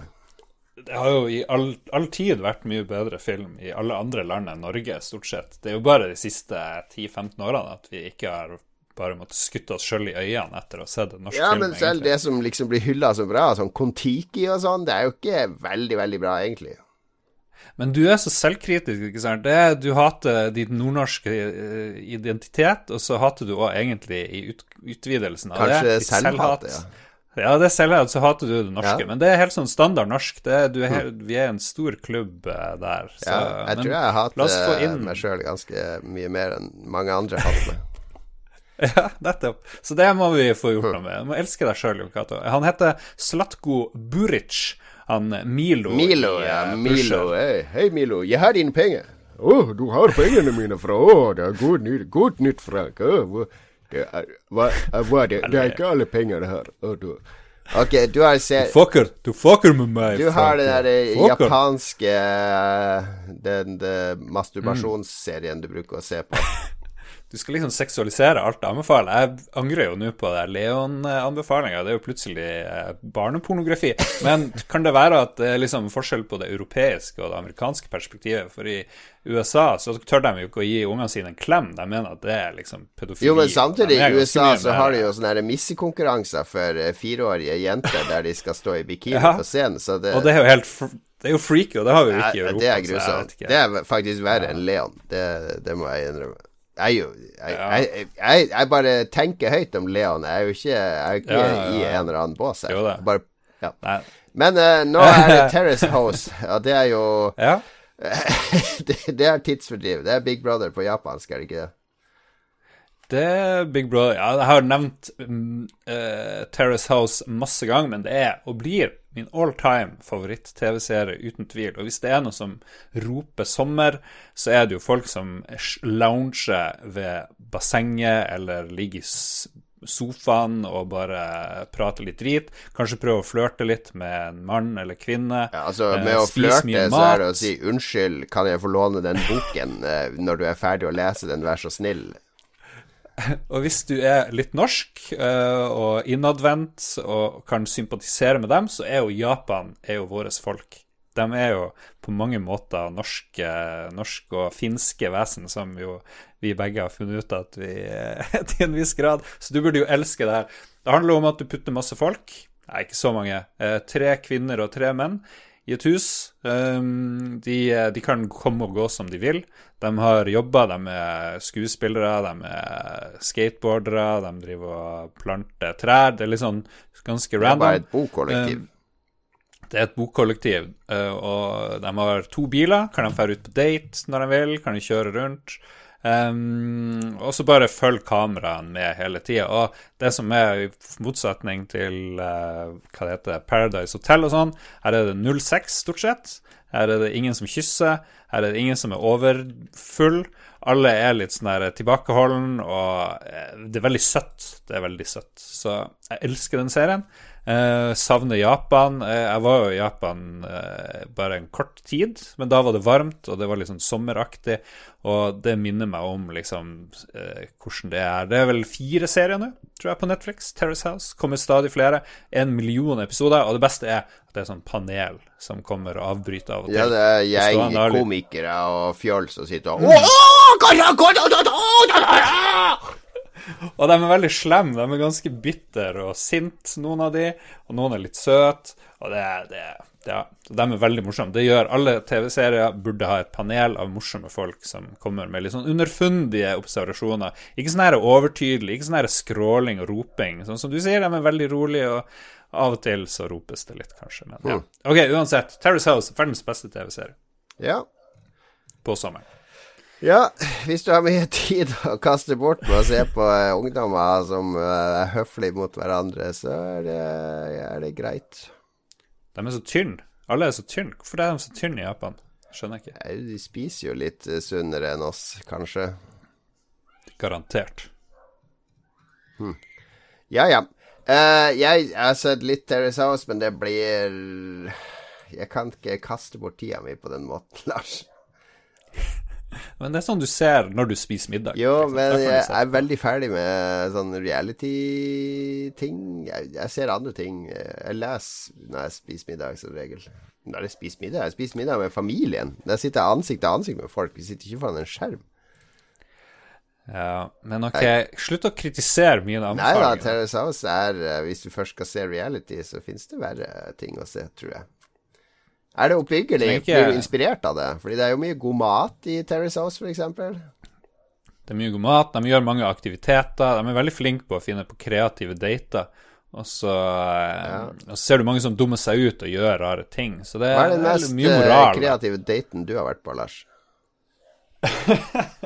Oi, det var et godt spørsmål. Mest kreative daten? Jeg vet ikke. Jeg er veldig dårlig på, på Det er lenge siden jeg har vært på date nå. Det, det, er, det er ikke så lenge Nei. siden. Det er det ikke. Det er, Terningkast på siste date. Terningkast på siste date. Terningkast seks. Terningkast seks tør ikke si noe. det høres bra ut. Det høres bra ut. Vi skal, det siste er det spillanbefaling uh, i sommer. Anbefalingsspalten vår. Det ble jævla lang spalte. Ja. Blir kanskje neste så vi kan splitte denne episoden i to. Så lenge har vi holdt på. Nei da, så lenge har vi ikke holdt på ennå.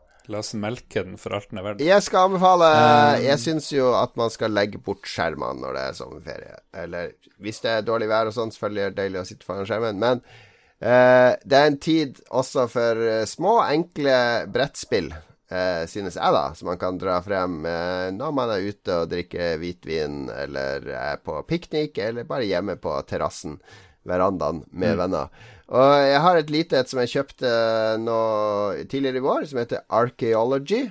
Heter det spillet. Altså arkeologi. En bitte liten boks full av kort eh, som handler om at man skal Man er i ørken eh, og er arkeolog. Og, og skal man grave frem ulike typer skatter. Altså om å samle de på hånda si. Eh, jo mer du har av en skatt, jo mer verdifull er den når du selger den til det britiske museet.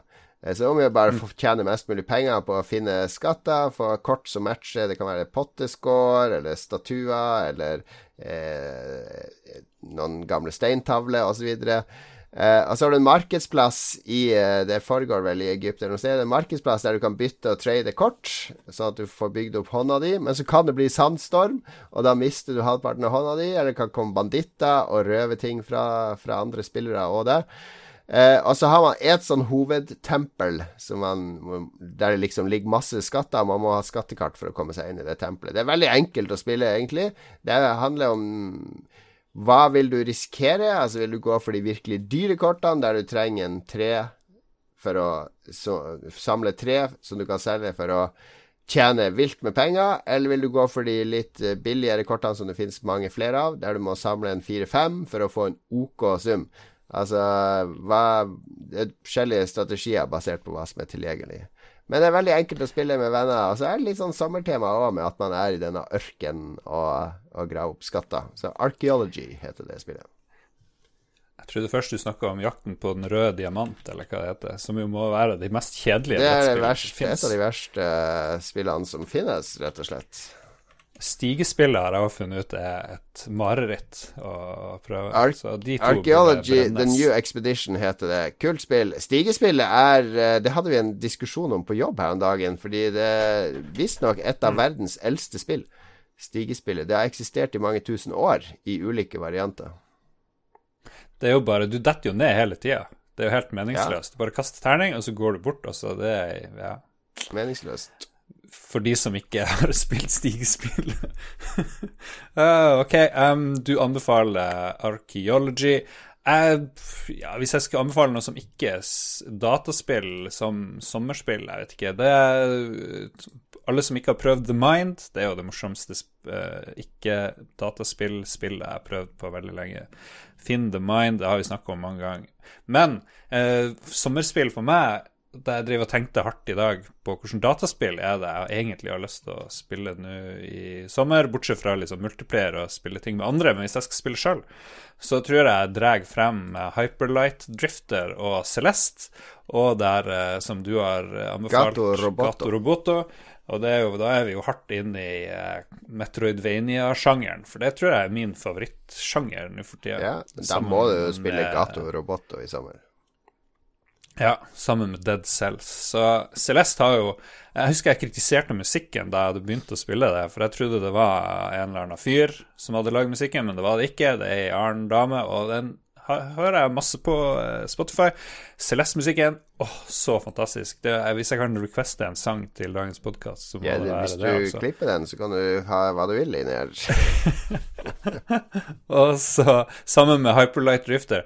Jeg tror jeg, jeg driver for tida bare anbefaler spill som jeg liker musikken til. Jeg vet ikke. Det, det gjør veldig mye med hvor mye jeg liker, eh, liker spillene. Altså. Spiller du ingen sånn der eh, Sånn som når du spiller Når du spilte Destiny, hørte du aldri på sånn podkast eller noe mens du spilte? Har du ingen sånne spill der du kan mm. høre på egen musikk mens du spiller?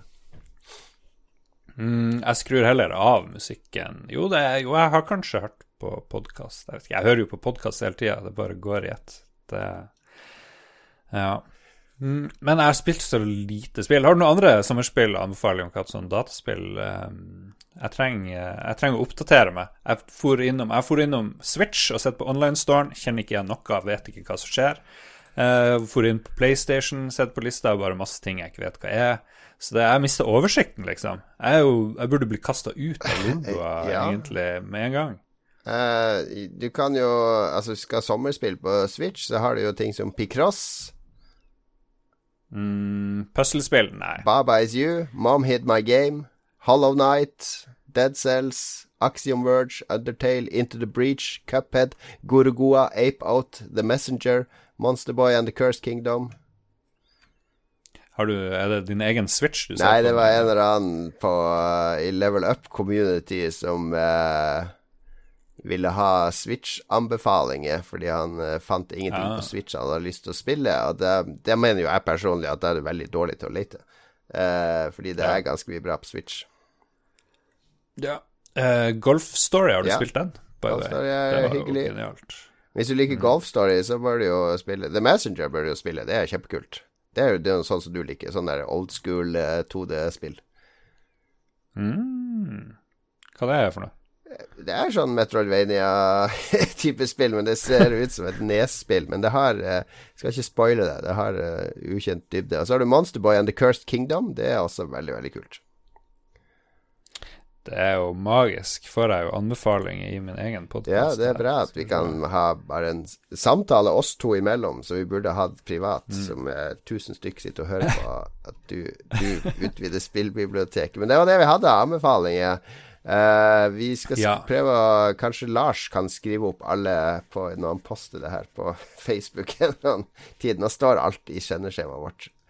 Ja. Men eh, jeg skal orker ikke å lese opp alt på nytt her nå.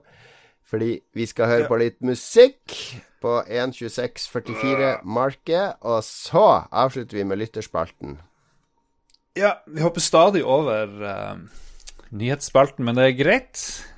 Jeg syns jo vi må nevne nyheten om at uh, Venstre mener Miljøpartiet De Grønne ikke har fått med seg arbeidet som gjøres for dataspill og e-sport, siden du er nå Ja, det er En Grunde Almeland. Han kjenner jeg jo. Han var jo på en fest jeg arrangerte nå i mai. Eh, Mm. I Venstre. Så han eh, Jeg må jo si Venstre av alle partier er jo kanskje de som er mest uh, Eller prøver å gjøre mest for dataspill, vil jeg si. Men jeg har jo sett at Miljøpartiet er på banen nå. nå. Ja, men det er jo tydelig at det er valgkamp, fordi Miljøpartiet De Grønne sier at vi må ha bedre politikk rundt dataspill, og så kommer Venstre løpende og sier ja, men vi, er også, vi har òg politikk. Ja. Og, Visste du at eh, fem. Google-søk har et klimaavtrykk tilsvarende en plastpose? What?! For servere forurenser jo mer enn all trafikk i hele verden nå. Så jo mer vi bruker servere og streamer og alt mulig sånn drit, jo mer forurenses det. Men det jobbes jo med å gjøre servere mer miljøvennlige. Men eh, det gamle regnestykket, eller det offentlige regnestykket, er liksom at fem Google-søk er lik en plastpose i klimaavtrykk. Holy shit, vi må bli dummere, vi må google mindre. Men liksom, er det fordi de bruker energi fra kullkraftverk? Ja, de er bruker fordi- energi som kommer fra lite miljøvennlige eh, kilder. Hmm. Så Google Men uh, det er jo flere som nå tar grep og lager serverparker som har et mer miljøvennlig klimaavtrykk. Men det er komplisert. Komplisert miljø. Det har jo til og med vært miljødebatt i discorden vår, eller miljøtrolling, kan vi kanskje kalle det. Ja, ja, folk driver og setter tvil på Ja, er det nå så ille det her med klimaendring, og er det nå liksom Og det er åh, Vi er forbi der. Vi er Ja, forbi da spør spør jeg bare tilbake. Er det så ille det her med lootboxer? Og er det virkelig sånn krise at uh, man kan kjøpe seg opp og frem i spill? Vil jo si at det kanskje er mindre krise enn uh, miljøet, men uh, Ja. vi er forbi det. Vær, min, ja, vær mindre egoistisk, folkens. Tenk på andre.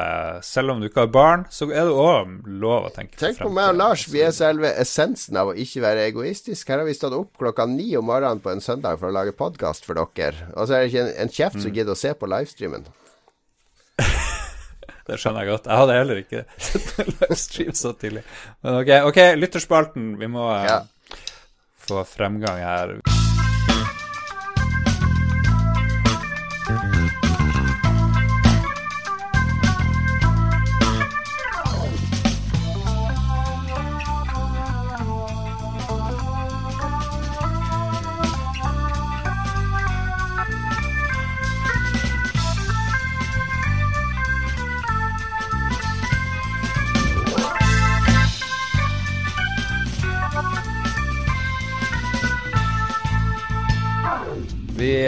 Hva det var vi spurte om? Hva gjør folk om sommerferien? Eh, hva skal dere spille?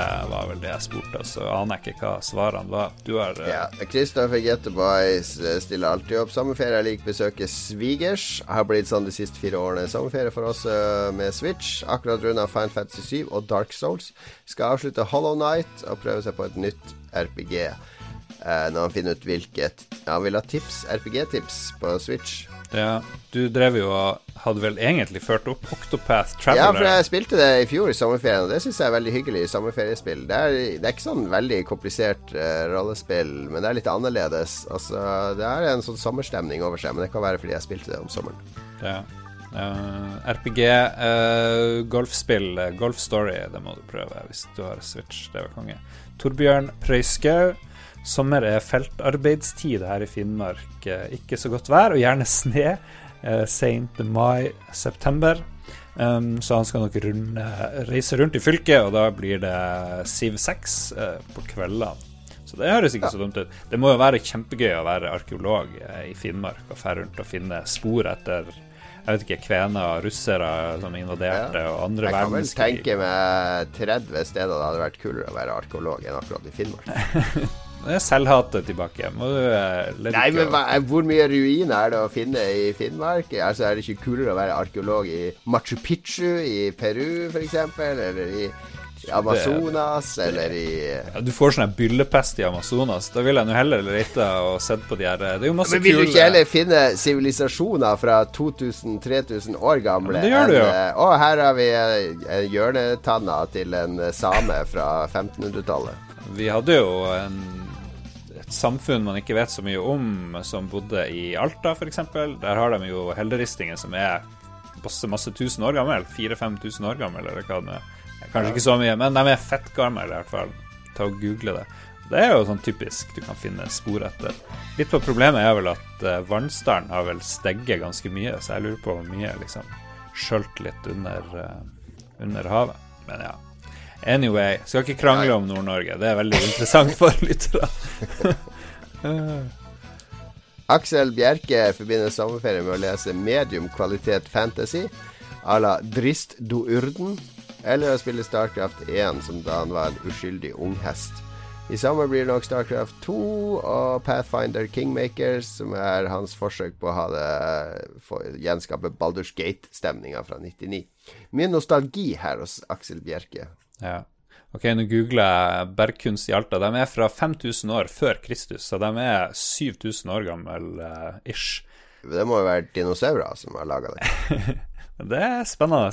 Det er selvfølgelig blitt en sånn her Unescos verdensarvliste. Det er et veldig, veldig kult uh, område hvis du er, er, arkeolog akkurat der, tror jeg. Ja, jeg, ja, jeg, bare prater ut av ren uvitenhet. Ja. Skal vi se uh, uh, Martin Pettersen, uh, sommerferie og spille vinylplate høyt med god rødvin i glasset, full fyr i grillen og kompiser som krangler mens Mortal Kombat ruller og går på Super Nintendoen. Oi, oi, Martin Pettersen han er en mann etter mitt hjerte her. Uh, bortsett fra at Mortal Kombat stinker drit. Har fått meg italiensk pizzaovn, steinovn Uh, som skal testes i sommer. Skal for så vidt pløye gjennom Rise of the Tomb Raider på min nye Xbox One X. Gratulerer med det. Uh, Mortal Kombat på SNES er jo selvfølgelig mye bedre enn de nye, da. Det må jo sies. Uh, ja. uh, ja, uh, sånn steinovn, pizzaovn, det har jeg faktisk lyst på i hagen vår òg. Mm. Det er jo noe jeg har sagt at du burde få deg ut på verandaen din. Ja, ja. Det er bare å komme opp og la, hjelpe meg å lage en steinovn. Det går la, du kan bestille. Det kommer ferdig levert, satt opp. Høres Ja, ok, greit. det er bare at du må ha plass. Ikke alle som er i Oslo, er ikke alle som har uteplass fordi de bor i leilighet og sånn, så det er ikke en mulighet. Jeg kan ha ti Men, steinovner rundt omkring i, på eiendommen. Ja, jeg kan lage ti pizzaer på en gang. Ti Grandis ja, på en gang. Steinar. Din, uh, vår kamerat Jens Arthur Han liker å fordype seg i rollespill, både på ekte og på datamaskin. Han har jo SSI Goldbox Games for Life. Uh, og ja, det er Pool of Radiance og Buck Rogers og uh, eh, en sånn relativt obskur serie med rollespill eh, fra sent 80-, tidlig 90-tall. Liker også å lese mye military, sci-fi og fantasy, men han tar ofte det han får. Uh, ja, altså Siden denne sommeren har hashtag konspirasjon begynt ganske bra, all den tid at US Navy har i prinsippet patentert en variant av ufoer og tilhørende teknologier. Altså en masse linker til uh, uh, noe forskjellige jeg vet ikke om det er konspirasjonsteorier eller hva det er for noe. Har du lest de linkene? Jeg har ikke det. US Navy secretly designed super et eller annet. Så det er hardt, hardt inne i det ja, Det er jo fra metro.co.uk, som visstnok er en ekte avis. Ja, det er sikkert det. Ja vel. Nei, men jeg håper at vi får ufoer ganske snart. og vi kan reise fra den planeten som vi driver og ødelegger. Det hadde vært men da må vi lage sånn faster than light-racing og det tviler jeg på at vi får til. Når skal vi ha vårt fremtidsorakel Frank med igjen? Det er jo eh... Det passer bra å ta han med i starten av høsten, så han kan ja. komme med noen spådommer for vinterhalvåret. Ja, det høres bra ut. Nei, men da er vi, nærmer vi oss slutten på sommerspesial. Uh, vi må takke sponsorer TTMXMP, Kobrakar84 og Rolf Helge Øvergård Ingebrigtsen. Tusen takk til alle andre som støtter oss på Patrion. Patrion.com eh, slash lolbua. Gå dit. Dere får nå ti episoder av Roffelbua hvis dere vil bidra nok til at dere får det. Det er utrolig, utrolig bra, sier jeg, som bestandig er dritings uh, og husker egentlig ikke hva som har skjedd. Eh, så den må dere sjekke. Og så, hvis dere er heldige, så kommer det kanskje et gammelt brev Jon Cato har funnet på mail, som han ja, deler ut. Skal, jeg skal nok få brev så snart jeg får en pust i bakken. Eh, men det som også skulle skjedd nå i juni, var jo at alle swappers skulle få en gave i posten. Hva er status der? Eh, vi satt Kristian Tjessem på saken, tror jeg, så vi får ta og høre litt med han. Men det må jo komme ganske snart, så det ja. håper vi får nå. Eh, nå ja. kan du kjenne på det CEO-ansvaret med at eh, lederen kan ikke ta ferie, for nå, ja. nå delegerer jeg til deg å ta opp dette med Kristian, for dette det... må ut. Ut før sommerferien. Det må ut før sommerferien. Det går helt fint. All right. Jeg tror jeg skal klippe denne episoden. Klippe bort litt av det her opplegget. Jeg skal klippe. Jeg har sagt jeg skal klippe. Du har sommerferie, Lars. Du skal slappe av. Ja, det er jo det er ikke jeg som klager over hvor mye jeg har å gjøre, det er jo du, så ja. Jeg har, men det er jo bare ærlig. Jeg kan alltids ha mer å gjøre. Ja. Hvile kan man gjøre i grava, som det heter på Vestlandet. Ja. Eh, og med de ordene så ber vi alle hvile seg i løpet av sommerhalvåret. Få ny energi. Eh, høsten kommer før du vet ordet av det. Winter is coming, som det heter. Så vi høres igjen om en uke. Eller blir Lolbua hver uke gjennom hele sommerferien som vanlig. Takk for nå. Ha det bra. Ha det bra.